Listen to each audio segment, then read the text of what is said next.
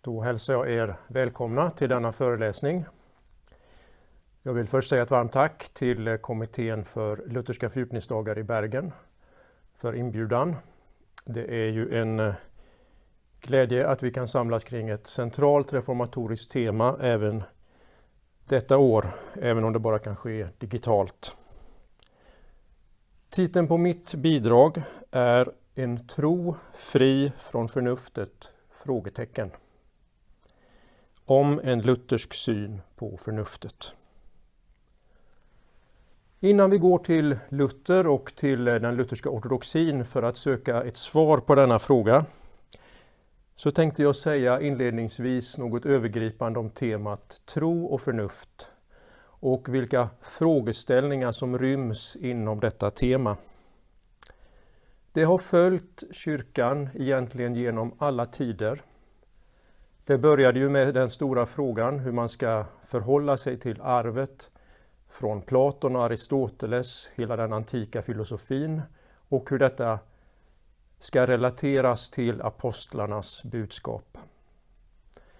Filosofi i, i, på den tiden, det var ju inte bara i vår smala mening, utan filosofi var egentligen allt mänskligt vetande. Tar vi den frågeställningen och går fram genom tiden så kommer vi till frågan om tro och vetenskap i den moderna perioden. Och då en kristen kan ställa frågan hur ska, ska jag utifrån tron förhålla mig till vetenskapen och till förnuftet? En annan fråga som egentligen fanns redan i den här eh, diskussionen om arvet från antiken är frågan om apologetiken i vår tid. Alltså vilken roll ska förnuftsargument spela i den kristna eh, förkunnelsen och evangelisationen. Ytterligare en aspekt av frågan om synen på förnuftet handlar om vad som ska vara regel och norm i kyrkan. Alltså vilken roll förnuftsargument kan ha kontra skriftargument när det gäller kyrkans lära.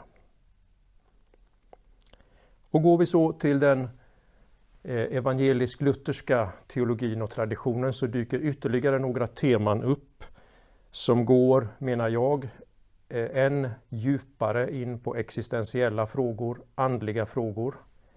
För här handlar temat om tro och förnuft om frälsning, frälsningsvisshet och trons kamp under anfäktelser. Flera aspekter kunde nämnas och nu är inte avsikten att utreda alla de här men vi kommer att komma in på några av dem direkt eller indirekt. Och temat är alltså Fri från förnuftet? Frågetecken. Så denna klassiska problemställning om tro och förnuft ställs in under detta frihetstema som på ett särskilt sätt uppmärksammas i år med anledning av Luthers frihetstraktat 1520. Jag tänkte framförallt att vi ska se på vad Luther själv säger om temat eh, förnuft. Men också eh, lite vidare i reformationen och in i den lutherska ortodoxin. Men vi börjar med Luther. Och frågan om förnuftet för oss rakt in i de riktigt centrala frågorna och frågan eh, som var aktuell vid reformationens begynnelse. Luthers kamp i klostret, hur han ska finna en nådig Gud. Luther fick under sin studietid studera Gabriel Bils dogmatik. Han kunde denna dogmatik mer eller mindre utan till. och när man frågar om vad som var vägen fram till reformationen och Luthers upptäckt hur han förhöll sig till vad han tidigare hade lärt så är Bils dogmatik en god utgångspunkt. Här finns en särskild frälsningens ordning, en ordo salutis. Människans frälsning Eh, framskred i olika steg. Och det första steget det människan skulle göra för att få del i Guds nåd löd Gör vad på dig ankommer. Människan skulle göra vad som var i hennes förmåga. Facere quod insi est. Och den som så gör skall inte Gud neka sin nåd. Vad kunde då människan göra? Vad stod i hennes inom de naturliga förutsättningarnas ram? Jo, inget mindre än att älska Gud. Genom en särskild förståelse av förnuftet och viljan som de två centrala, som man kunde kalla det, själskrafterna, så kunde alltså människan nå fram till Guds kärlek. Detta ledde naturligtvis till anfäktelser för den som var samvetsgrann. Hade jag verkligen gjort allt vad som var i min makt? Hade jag kunnat göra mer? Har jag fått del av Guds nåd? Det som nu är intressant för vår fråga om förnuftet, det är alltså att i detta första steg så är det inte bara viljan som aktualiseras utan också förnuftet. I den medeltida teologin, alltså inte bara hos Gabriel Biel, utan brett så såg man förnuftet som inställt mellan himmel och jord. En del av förnuftet var inriktat mot det som hör jorden till. Detta var det den lägre delen av förnuftet, ratio inferior. Medan en annan del av förnuftet var inriktad, inriktat mot himlen och det som hör det eviga till, ratio superior. Så förnuftet såg som tvådelat. Det hade uppgifter både mot det som var neråt och det som var uppåt. Och man anknöt då till en tradition som gick tillbaka ända till Aristoteles där ett slags grundaxiom var att eh, förnuftet bedömer alltid till det bästa eller leder alltid till det bästa. Inom teologin så kom alltså detta att användas som en del i att detta rätta förnuftsbruk skulle leda människan till att inse att Gud är den högste och att hon ska sätta sin kärlek och tro till honom. Man kan se hos den unge Luther att han följer detta schema som han har fått lära sig. Han anammar denna tanke att det finns en högre och en lägre del i förnuftet. Men sedan kan vi också se hur han steg för steg kommer att bli kritisk mot detta schema. Om vi går till Romarbrevskommentaren som han skrev 1515 och då är vi, som jag menar, tiden före hans reformatoriska genombrott. Men vi kan ändå se en växande kritik mot den tradition han kommer från. Och han säger nu att om man lär, det är en utläggning av Romarbrevet alltså, om man lär att människans naturliga krafter är oskadade även sedan Adams fall, så säger han stinker detta av filosofi. Som om det skulle vara så att förnuftet alltid bedömde endast till det bästa. Och vi kan tala mycket om naturens lag. Det är visserligen sant att naturens lag är känd för alla och att förnuftet leder till det bästa. Men vad för ett bästa? Till det som inte är enligt Guds sinne utan det som är enligt vår smak, det vill säga förnuftet leder oss till det som är gott i den sämsta meningen. Ty förnuftet söker sig självt och sitt eget i allt. Det söker inte Gud. Det gör endast tron i kärlek. I detta citat ser vi nu hur Luther börjar problematisera denna sats, denna grundsats att förnuftet leder människan fram till det bästa om hon gör ett rätt bruk av sitt förnuft, sitt naturgivna förnuft enligt den naturliga lagen. Luther problematiserade genom att visa att det goda som förnuftet strävar efter inte är det som i Guds ögon är det goda. Man kan säga att Luthers radikala förståelse av synden och dess följder här hur han visar att även förnuftet är indragen i syndafallets följd. Förnuftet och dess bedömning är liksom indraget i självkärleken. Han säger att det söker sig självt och sitt eget i allt. Så här har vi Luthers tanke som man sedan återkommer till i, i, i många olika sammanhang. Att människan och hennes inriktning, hon är inkrökt i sig själv. Så det finns, enligt den kritik som Luther här har börjat utveckla 1515, inte något fritt rum där förnuftet på ett idealt sätt kan fungera enligt sina eh, givna förutsättningar. Utan det är indraget i syndafallet, det är indraget i diaboliska krafter där människan alltid söker hävda sig själv och sitt eget, också gentemot sin skapare. Förnuftet och det säger Luther, har en stark känsla för rättvisa. Men detta missbrukas också allt sedan fallet till självrättfärdighet.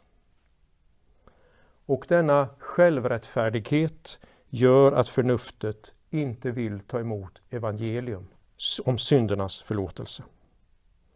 Så förnuftet är, även efter syndafallet, orienterat mot lagen. Men det tar inte emot evangelium, utan då förvrängs det ofta till att bli självrättfärdighet. När Luther kritiserar Aristoteles och hela denna förnuftsteologi som han är, är liksom formad av, så är det ofta denna självrättfärdighet han har i sinnet. Går vi fram ett par år till hans disputation mot den skolastiska teologin 1517 så är den centrala tesen nummer 42 där han går emot denna uppfattning att människan genom att handla rättfärdigt blir rättfärdig. Alltså genom att öva rättfärdighet så blir hon mer och mer rättfärdig. Istället menar Luther att det bara är den som är rättfärdig som kan göra rättfärdiga gärningar.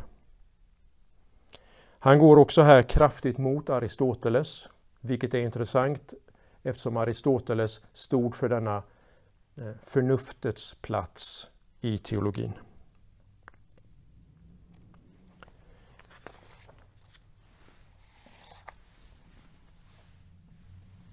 Det Luther kommer fram till genom sin reformatoriska upptäckt av evangeliet och det han sedan utvecklar i, i många olika sammanhang, det är att förnuftet har inte denna förmåga att utgöra ett första steg, liksom inte viljan har det. Liksom viljan är trälbunden och inte kan bidra, så är också förnuftet eh, förvridet och kan inte bidra. Istället för att förnuftet skulle ha en högre del som är riktad mot det himmelska så lägger Luther där all vikt vid tron. Tron är det som är riktat mot evangelium och det är genom tron som människan kommer i rätt relation till Gud. Förnuftet har sin plats mot skapelsen. Så det som ansågs som vara dess lägre del Det menar Luther är dess egentliga del. Går vi till en senare text, hans disputation om människan 1536, De homine, så behandlar Luther där frågan om filosofi och teologi. Och han börjar med ett antal filosofiska teser och går sedan över till teologiska teser. Här känner vi igen kritiken av att förnuftet alltid skulle leda till det bästa. Han kommer tillbaka till denna fråga. Men det som möter i de här teserna i disputationen är en intressant, som ibland har kallats för aspektbetraktelse på människan. Att hon ses ur två olika aspekter. Ur filosofins aspekt och förnuftets aspekt och teologins och trons aspekt. Luther säger att människan beskrivs enligt filosofin som en förnuftig skapad varelse med olika sinnen. Animal rationale sensitivum corporeum. Det är förnuftet som skiljer människan från andra varelser. Och han lovprisar i detta sammanhang förnuftet. Han säger citat att förnuftet är det bästa av alla ting i detta livet, något gudomligt. Förnuftet är uppfinnare och ledare av alla vetenskaper, av medicinen, juridiken och allt som människan äger i detta liv av vishet, makt och ära. Men förnuftet är samtidigt begränsat. Han säger att trots allt som människans förnuft har utforskat så räcker det knappt ens till att förstå vårt kroppsliga liv. Och än mer visar sig dess begränsning när det kommer till det som rör sådant som ligger utanför detta livet. Det som är livets ursprung och det som är livets mål. Luther använder här den aristoteliska fyrorsaksanalysen, alltså fyra olika orsaker för att beskriva någonting. Och då säger han att det som är den verkande orsaken känner förnuftet inte alls till, det vill säga var vi kommer ifrån. Och heller inte det som är meningen och målet med livet, vad det leder till. Det känner det heller inte alls till. Och därför, när man jämför filosofins, vetenskapens kunskap om människan med teologins, så säger Luther att det visar sig att förnuftet, filosofin, nästan inte vet någonting om människan. Teologin, genom uppenbarelsen i Guds ord, sätter in människans liv i det stora sammanhanget. Hennes ursprung, hennes mål. Men också att hon är en syndare inför Gud. Och teologin visar hur denna syndare kan bli rättfärdiggjord genom tron på Kristus.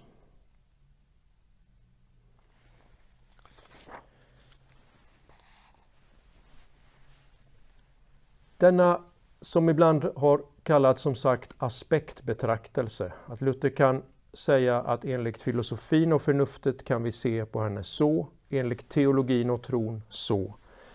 Återkommer han till till exempel i en utläggning av psalm 51.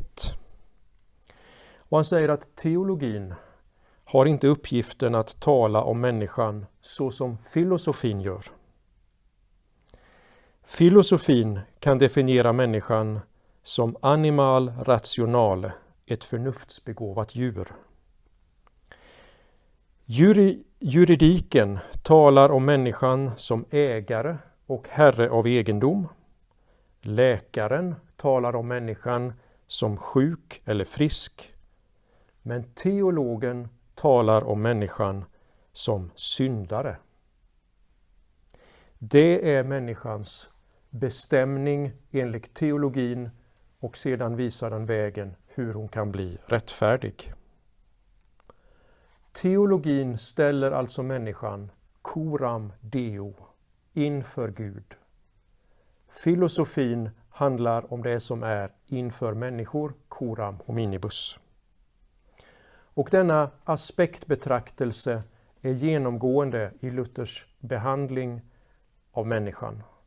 Hur hon ter sig inför människor och hur hon ter sig inför Gud. Coram hominibus, coram deo. Detta är också viktigt när vi ser på förnuftet. Därför att i den aristotelisk filosofiska traditionen så är människan självkonstituerande och hon bestäms utifrån sitt förnuft. Men Luther, han ställer henne i relation till Gud. Först i relationen till Gud kan människan rätt beskrivas. Människan kan alltså inte bara betraktas ensam och isolerad som en enhet, utan hon måste alltid bestämmas utifrån något som kommer utifrån. Utifrån Guds ord som både dömer och rättfärdiggör henne.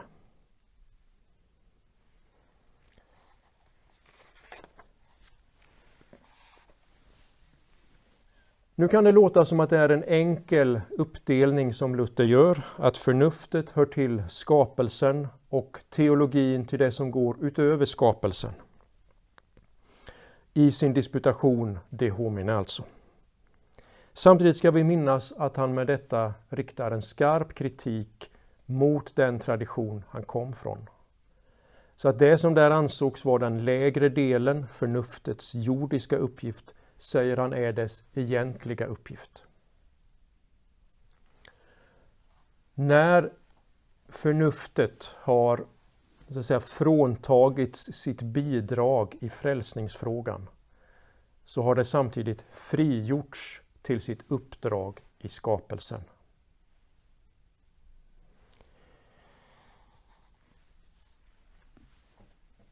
Att människan har liksom frigjorts från förnuftets bidrag i frälsningen. Det kommer i sitt mest kända uttryck fram i förklaringen till eh, tredje artikeln i Lilla katekesen. Där Luther säger att jag tror att jag inte av eget förnuft eller kraft kan tro på Jesus Kristus, min Herre, eller komma till honom utan den helige Ande har kallat mig genom evangelium. Alltså förnuftets plats här är en bekännelse till att det inte har denna förmåga. Det Paulus eh, säger i Romarbrevet kapitel 10, vers 17 att tron kommer av predikan och predikan i kraft av Kristi ord är väl det som på ett ganska direkt sätt ligger bakom Luthers formulering. Liksom Johannes 6.63 där Jesus säger att det är anden som ger liv. Här är inte köttet till någon nytta, mina ord är ande och liv. Så anden, ordet, livet. Genom evangelium, genom det hörda. Så liksom Gud talar fram sin första skapelse så talar han fram sin nya skapelse. Jag tror att jag inte av eget förnuft eller kraft kan tro. Samtidigt som alltså Luther kan lovprisa förnuftet inom de jordiska verksamheterna, vetenskaperna och kalla det till och med för något gudomligt så är han som bekant mycket kritisk när förnuftet vill gå in i teologins frågor. När det inte förblir vid det som är dess uppgift utan vill tränga in i de himmelska tingen så förvandlas det till ett djävulens redskap. Och med Luthers kända uttryck Förnuftet blir då djävulens hora. Vi ska se på några ställen där Luther utvecklar denna kritik mot ett missbruk av förnuftet. Man kan säga att kritiken når en slags höjdpunkt i Stora Galaterbrevskommentaren i, i anslutning till kapitel 3, vers 6. Där Paulus skriver att Abraham eh, trodde och han förklarades rättfärdig. Det räknades honom till rättfärdighet. Luther skriver i sin kommentar till denna vers, som alltså är Galaterbrevet 3.6. Om man frågar förnuftet till råds, vad är väl mer löjeväckande, dåraktigt och omöjligt än det som Gud säger till Abraham? Att han ska få motta en son ur Saras ofruktsamma och nu liksom döda moderliv. Men när helst Gud förelägger vad som ska tros, förelägger han eh, det på detta sätt alltid såsom något omöjligt och absurt om man följer förnuftets omdöme. Så synes det för förnuftet vara löjligt och absurt att i nattvarden tillbjuds oss Kristi lekamen och blod. Att dopet skulle vara ett bad till ny födelse och förnyelse i den heliga Ande. Att de döda uppstår på den yttersta dagen. Att Kristus, Guds son, avlas och bäres i en jungfrus liv. Enligt förnuftet är detta dåraktigt. Men grundfelet, säger Luther, hos alla sofister är de mäter Guds ord med förnuftet. Och mot detta ställer Luther tron. De, alltså sofisterna och andra, förstår inte att den högsta gudstjänsten består i att höra Guds ord och tro. Det är den rätta dyrkan av Gud. För det är att ge Gud rätt och det är att ge Gud äran för hans verk. Att han också har makt och förmåga att göra detta. Så Abraham trodde Gud och det räknades honom till rättfärdighet. Och nu kommer Luther vidare på än mer drastiska uttryck i utläggningen av denna vers. Han säger citat Tron slaktar förnuftet och dödar detta odjur. Slutcitat. Abraham lät sig inte hindras av det faktum att Sara var född ofruktsam och nu var 90 år, utan han trodde på Guds ord. Citat, på samma sätt inträder alla fromma med Abraham i trons mörker och dödar förnuftet. I det de säger förnuft, du är dåraktigt och har inget förstånd för vad Gud tillhör. Därför ska du inte störa mig utan tiga. Inte komma med dina omdömen utan höra Guds ord och tro. Här talar alltså Luther om att tron skall slakta förnuftet. Det är ett verkligt offer av intellektet, ett sacrificium intellectus. Senare i utläggningen av samma vers ska vi lägga märke till att han säger så här, citat. Det gäller alltså i första hand att med tron döda otron. Föraktet för och hatet mot Guds ord. Knorrandet mot hans vrede och dom och mot alla hans ord och gärningar. Så dödas förnuftet. Så det Luther gör här är att han sammanställer otron och förnuftet. Föraktet för Guds ord och viljan att sätta sig över det. Så det är värt att lägga märke till att när det här beskrivs ett sacrificium intellectus, ett offer av intellektet, av förnuftet,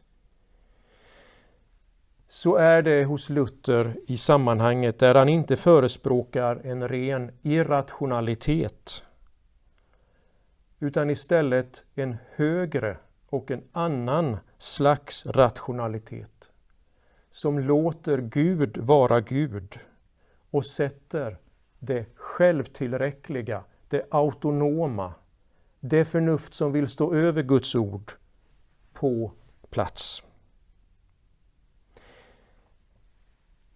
Så det betyder alltså inte att Luther predikar irrationalitet utan han erkänner en högre rationalitet där Gud och Guds ord är med och bestämmer människan och vad som är rätt och sant att tro och ta emot.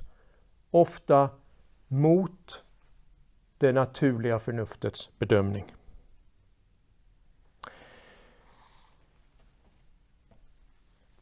Luther menar att människans gudsförhållande såsom bestämt av Gud och hans ord var förhållandet redan i paradiset. Han säger citat All frestelse börjar därmed att förnuftet försöker utan ordet döma om Gud och hans ord. Men när förnuftet på detta sätt, vi kan säga autonomt, alltså självständigt, försöker bedöma Gud och hans ord utan ordet, så leder det till fördärv. Människan är för liten för att göra denna bedömning. Luther säger att försöka eh, gripa om Gud, det är som att försöka gripa om himlen med sina tio fingrar. Luther är alltså mycket kritisk till det naturliga förnuftet och vad det förmår i frågor som rör de stora frågorna varifrån och vart. Inte heller förstår det talet om Guds rättfärdighet utan det vill upprätta sin egen rättfärdighet. Ja, det naturliga förnuftet är i trons frågor blint. Han säger att i frågor som rör tron har vi människor av oss själva inte mer förnuft än en ko. Därför är det enda verkligt förnuftiga att vända sig till Gud, att underordna sig hans förnuft och hans visdom som den möter i skriften. Allt vad Gud säger i skriften ska tron ta emot, vad än förnuftet säger. Det här målar Luther ut i en predikan hållen annandag påsk 1534. Han säger här att Bibelns bok är inte som juristernas eller poeternas böcker, vilka har sitt ursprung i förnuftet och därför kan fattas med förnuftet. Inför Bibelns ord måste de visa bli narrar, medan de enfaldiga och enkla själarna säger Gud har talat, jag tror det.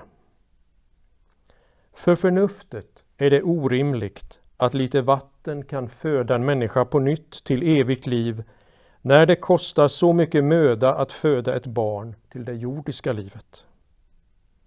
Allt som sägs om Kristus i den andra trosartikeln är också orimligt och när förnuftet hör det skrattar det åt det. Men enkla själar håller fast vid Guds ord och vandrar till bålet för dess skull. Vi måste ta tron till fånga och säga om Gud har talat tror jag det, hur orimligt det än synes mitt förnuft. Men ju mer man grubblar, desto mindre förstår man.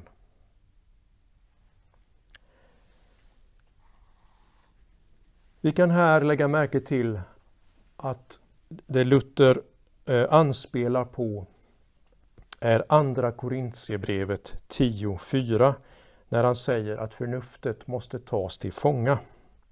Och i Andra Korintierbrevet 10, vers 4 skriver Paulus, vi bryter ner tankebyggnader och allt högt som reser sig mot kunskapen om Gud. Och vi gör varje tanke till en lydig fånge hos Kristus. Detta ställe eh, var viktigt när man också senare när man diskuterade synen på förnuftet. Andra Korintierbrevet 10, 4 och vi ska komma tillbaka till det. Detta betyder att en kristen är fri för det första från förnuftets bidrag i frälsningen.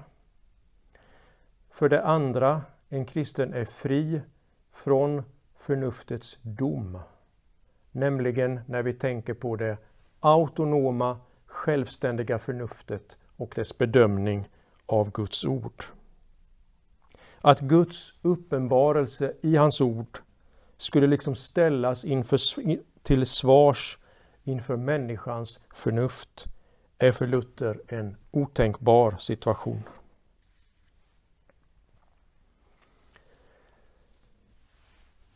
Luthers förhållande till Aristoteles har vi varit inne på. Det är egentligen en eh, komplex fråga där vi också kan se hur Luther tar med sig mycket från Aristoteles. Och man ska minnas att Luther själv hade föreläst över Aristoteles och kände eh, honom mycket väl. Jag tror man kan beskriva hans eh, förändring i beskrivningen av människan på ett tydligt sätt genom att anknyta till Aristoteles kategorier. Det är inte minst Oswald Bayer som har lyft fram detta, att en kategori som Aristoteles använde sig av för att beskriva ting, det är substanskategorin. Vad något är till sitt väsen, till sin substans.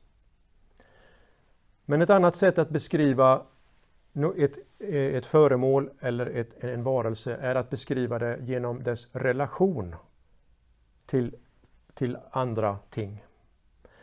Och man kan säga att det Luther gör är att han i rättfärdiggörelsen går från hela denna tanke att människans substans skulle förändras så att hon blir mer och mer rättfärdig och att det skulle vara grunden till att hon förklaras rättfärdig. Han tänker istället rättfärdiggörelsen som en relation. Där människan genom att sättas i en relation till Kristus genom ordet och tron förklaras rättfärdig genom att få del av allt det som Kristus har. Det betyder också att förnuftet inte kan ses som detta självständiga, autonoma förnuft, utan det måste alltid ses i relationen till Gud underordnat tron. Då kan förnuftet ha frihet till att brukas i skapelseuppdraget. I det som rör denna världen, i det som finns i olika vetenskaper, där har det sin plats och där ska det eh, utvecklas, användas i enlighet med att människan har uppgift att råda över skapelsen. Med detta tänkte jag vi går vidare.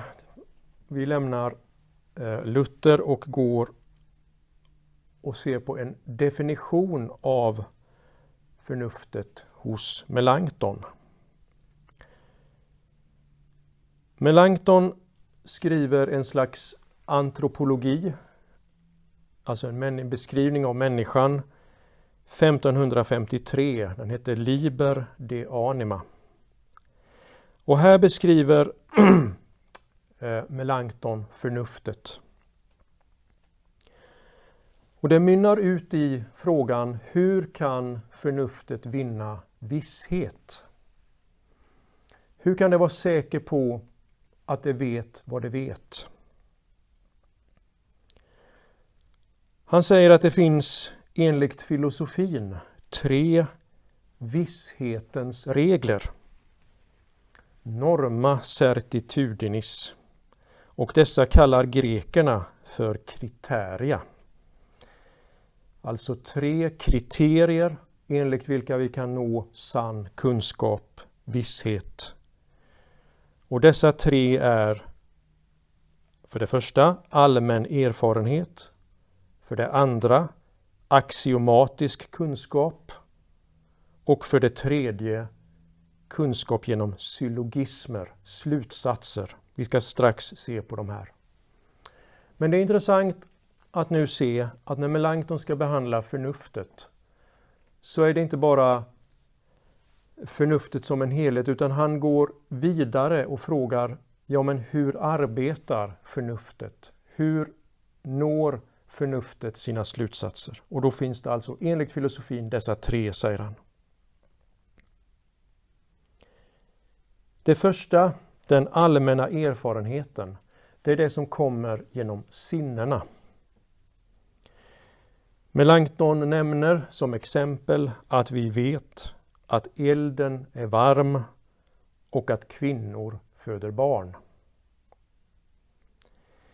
Och så säger han att den som inte erkänner allmän erfarenhet kommer att förklara krig mot Gud själv.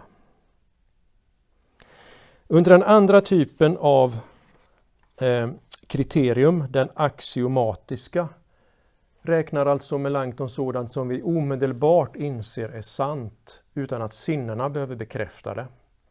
Som till exempel att helheten är större än delen. Det är logiken som man här har i tankarna. Den tredje är alltså syllogismen och det är slutsatser som människan kan dra utifrån annan kunskap. och Exempel på en syllogism det är att det finns en översats till exempel som säger att alla människor är dödliga och vi har en undersats Sokrates var människa och av detta kan man dra en slutsats alltså är Sokrates dödlig. Detta menar Melanchthon nu i filosofin är legitima kriterier. Och det är så man kan använda förnuftet och nå viss och sann kunskap. Men i kyrkan, fortsätter han, så finns det en fjärde visshetsnorm. Den allra viktigaste som står över de andra tre. Och det är den gudomliga uppenbarelsen. Och han jämför nu dessa olika eh, kriterier och liksom förnuftet kan instämma i att 2 plus 2 är 4 så borde vi instämma i när Guds ord säger att alla döda ska uppstå med samma visshet eftersom Gud har sagt det. Men detta förmår inte förnuftet. Utan Melanchthon säger att den helige Ande tänder genom detta ljus, alltså genom uppenbarelsens ljus, genom evangeliets röst, eh, ett, ett nytt övernaturligt ljus och han böjer sinnet att instämma. Så här för Melanchthon in tanken på förnuftet som ett ljus som också finns hos Luther. Men detta naturliga ljus som är en stor gåva behöver underordnas ett övernaturligt ljus och detta kommer genom den heliga Ande. Det här utvecklas sedan i den lutherska ortodoxin där man har talat om den heliga Andes upplysning. Det kommer ett ljus över det vi vet tidigare och det vi vet ska underordnas detta. Men förnuftet förmår inte ta emot det, men Guds ande gör att människan kan ta emot det.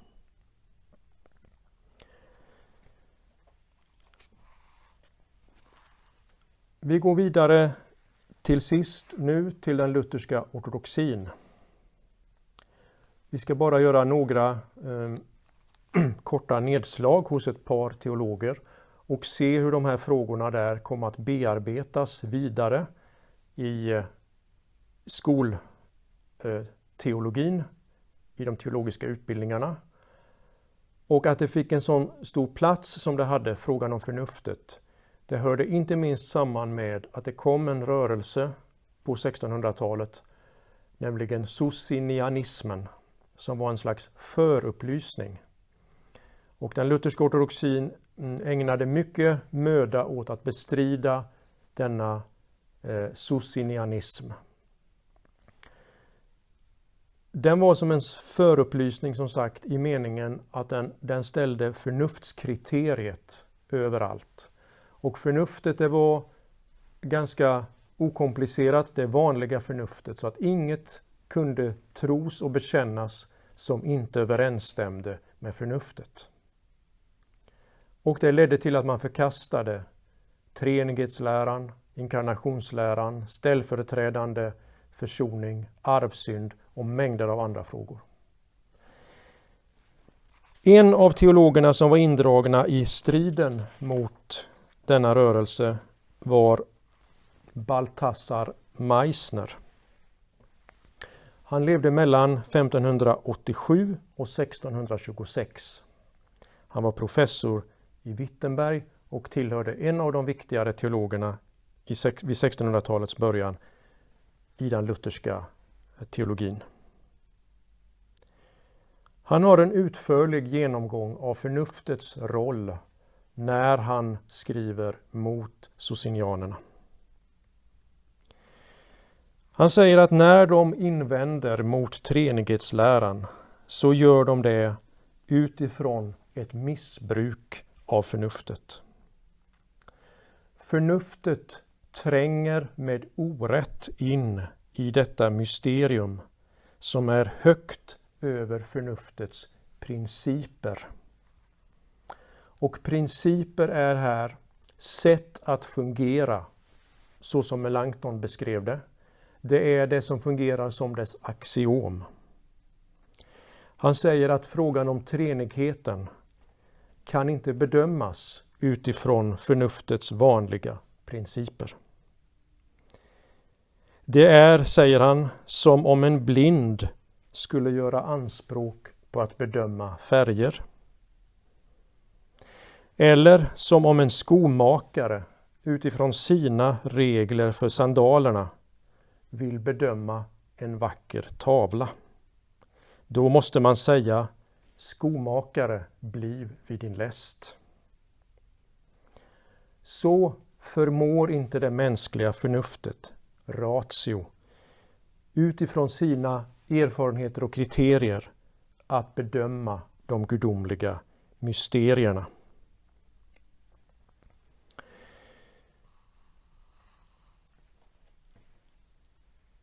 Flera av de bibelställen som Meissner använder sig av i sin eh, polemik är hämtad från första och andra Korintierbrevet. Till exempel säger han, eh, och detta bibelställe återkommer ofta i den lutherska ortodoxin när man diskuterar de här frågorna, första Korintierbrevet 2.14 där det sägs att det som hör till Guds ande är en dårskap för människan. Hon kan inte eh, bedöma det, hon kan inte ta emot det.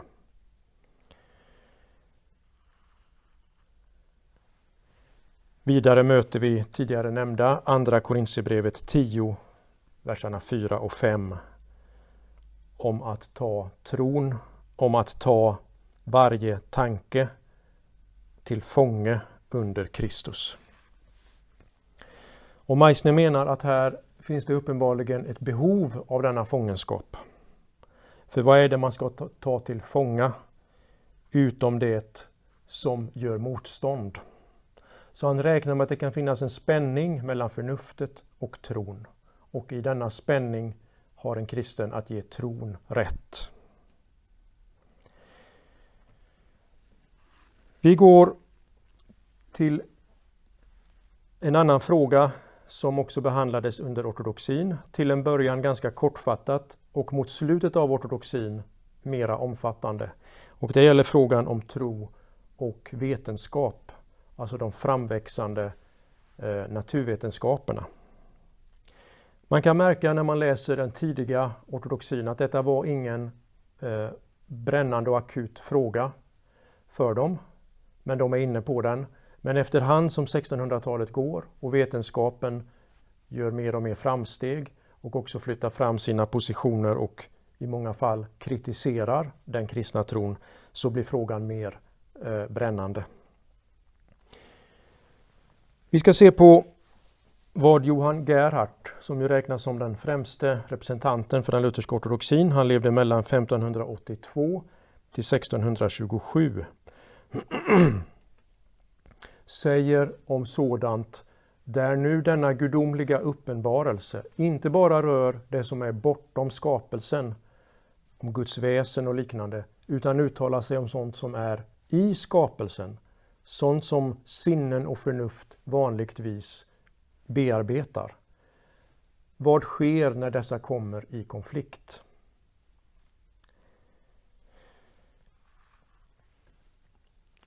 Ett exempel på en sådan fråga det är när det talas om vatten ovan himlen. Gerhard tar upp denna fråga och eh, ställer frågan hur ska en kristen tänka om detta?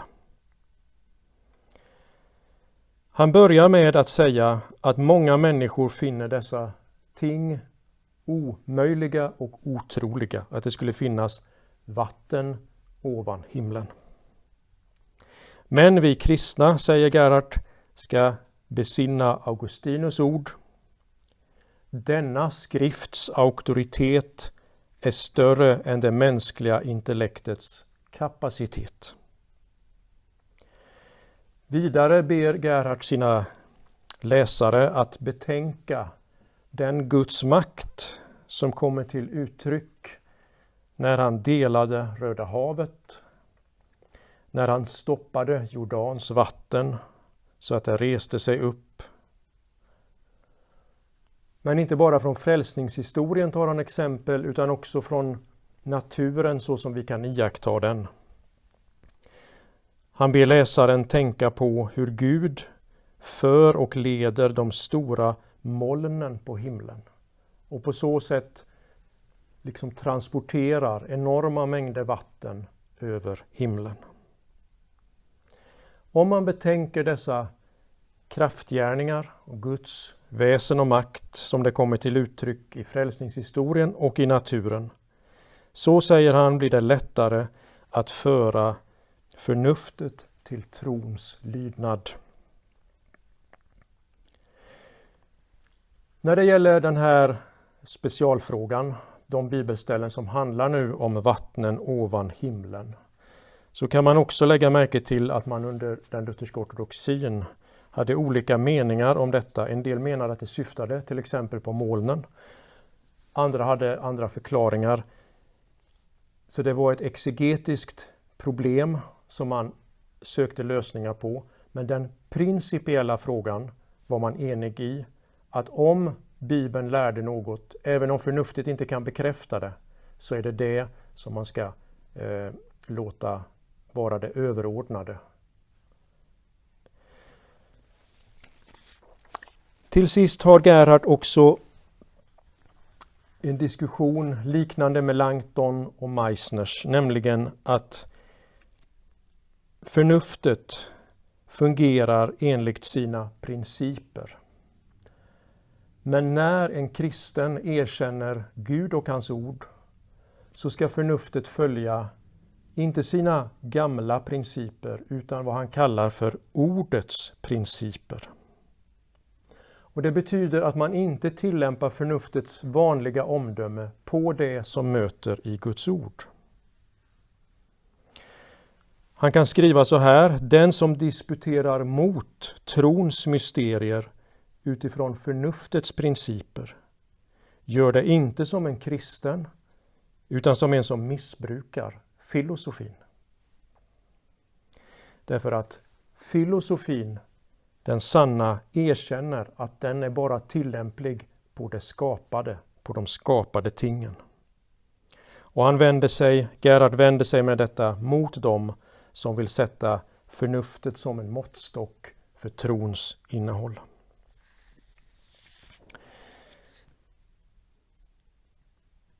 Ja, med detta är vi framme vid en avslutning. Jag tänkte återvända till frågan. Är den kristna tron befriad från förnuftet? Det första man kan svara är med en motfråga, nämligen vilket förnuft? Förnuft är inte detta entydiga som vi ibland tänker. Och det är alltså inte först i och med postmodernismen som man har börjat tala om förnuft i plural. Man har ju gjort uppmärksam på att rationalitet inte är något entydigt, utan det som är rationellt i ett system, i en kultur, kan vara icke-rationellt i ett annat system, i en annan kultur. Och utan att dra detta för långt så kan vi se en likhet i hur man har problematiserat detta med vad är förnuft och hur arbetar förnuftet. Ja, en kristen är befriad från det autonoma förnuftet. Det som vill definiera sig bara utifrån människan här och nu och hennes inneboende möjligheter. Där är en kristen befriad, fri från förnuftet vad gäller bidraget till frälsningen, vad gäller dess dom. En kristen är fri från att försöka rättfärdiga tron och Bibelns innehåll inför ett sådant autonomt förnuft.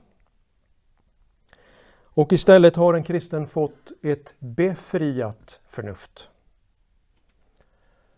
Detta befriade förnuft är fritt att tjäna Gud bland de skapade tingen i alla vetenskaper och på alla sätt vi använder vårt förnuft till att råda över skapelsen. Det är också befriat, avlastat från att försöka svara på alla invändningar. Detta befriade förnuft kan erkänna att det kan nå en aspekt av verkligheten, en del av verkligheten i sina olika undersökningar och vetenskaper och samtidigt erkänna sin gräns och den, erkänna den spänning som finns gentemot tron och det svar som finns i tron. Och det befriade förnuftet vet och erkänner att Guds ord och tron rymmer mycket som övergår dess förmåga.